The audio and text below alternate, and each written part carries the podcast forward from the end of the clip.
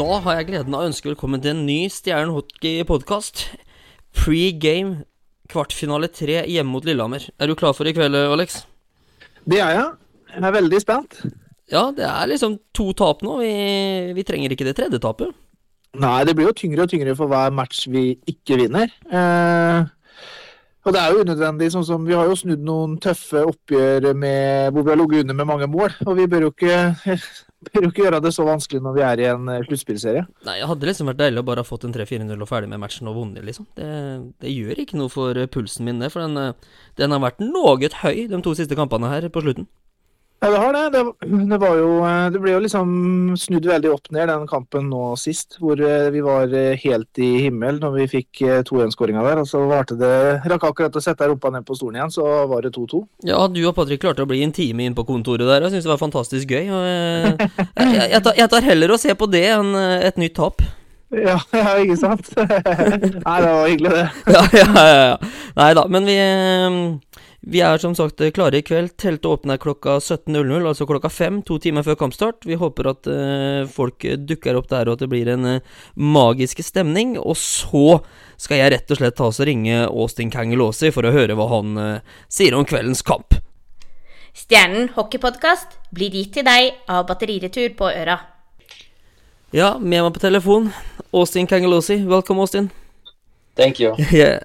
Uh, two losses against Lillehammer. What to say about that?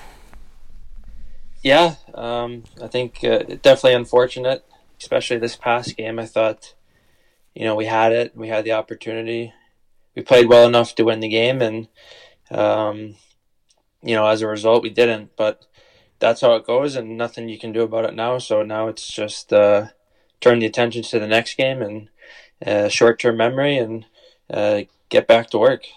Yeah, but uh, because it, it's possible to beat this uh, Lillehammer team. Of course it is, yeah, and uh, I think we all believe we can do it in the locker room, and um, you know it's a belief we have. And after playing two games and all season, you know it, we know we can do it. It's just a matter of going out there and, and actually doing it. So uh, it's not going to be easy, and, and you definitely have to put in the work, and uh, everyone has to pull pull the string in the same direction. Yeah, and we're going to play Lillehammer tonight. And how, how has the time been since uh, Tuesday night?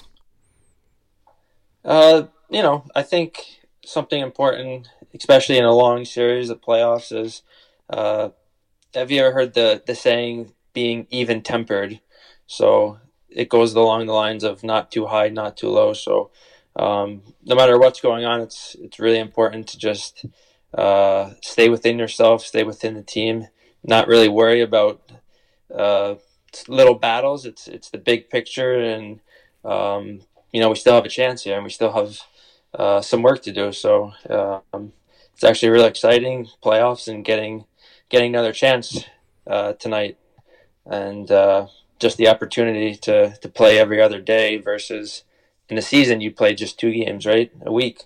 So now um, now you get uh, you know I don't know three four games uh, a week, which is nice. They they come quick, so you, you gotta you gotta have a, a short term memory. Yeah, and how uh, important is the supporters and the atmosphere in Stjernehallen? Uh, it means the world, you know. Um, you know, I think we have great fans and great supporters, and uh, to have them in there cheering for us, and uh, it brings a lot of energy, uh, added energy, uh, especially can be very intimidating for the other team, especially cheering at the right opportunities, uh, goals, or whatever it may be. Um, I think it plays a big role in the momentum of the game, and um, you know, I, th- I, think we have great fans here at Sternen. Yeah, and everyone speaks about uh, it's important to have a great start of the game. Uh, and both of the games against Lillehammer, we are going goals behind. How can we turn this around? Yeah, I think it's not it's not the end of the world, but you know it, it would definitely definitely help to get on the board first. You know, get that early goal and uh, you know get the momentum going in the right way. It's I think it's a lot harder playing down a goal or two, for sure. So, um, you know, I think we've been doing the right things. It's just a matter of having that hunger and uh, you know get getting the puck to the to the net, dirty areas, and just finding a way to get it in the net. Really, determination. Yeah, because the team wants a long season, not re not ready to finish off yet. No, uh, absolutely not. You know, and the sad part is, uh, it's every season, but you, you never have the same group of guys in, in the locker room ever again. There's always going to be some change, no matter what, from year to year. So um, we have a great group, and uh, you know we want to keep this going as long as we possibly can. Yeah, and if you could name three things that's important to beat Lillehammer, what is this, those things?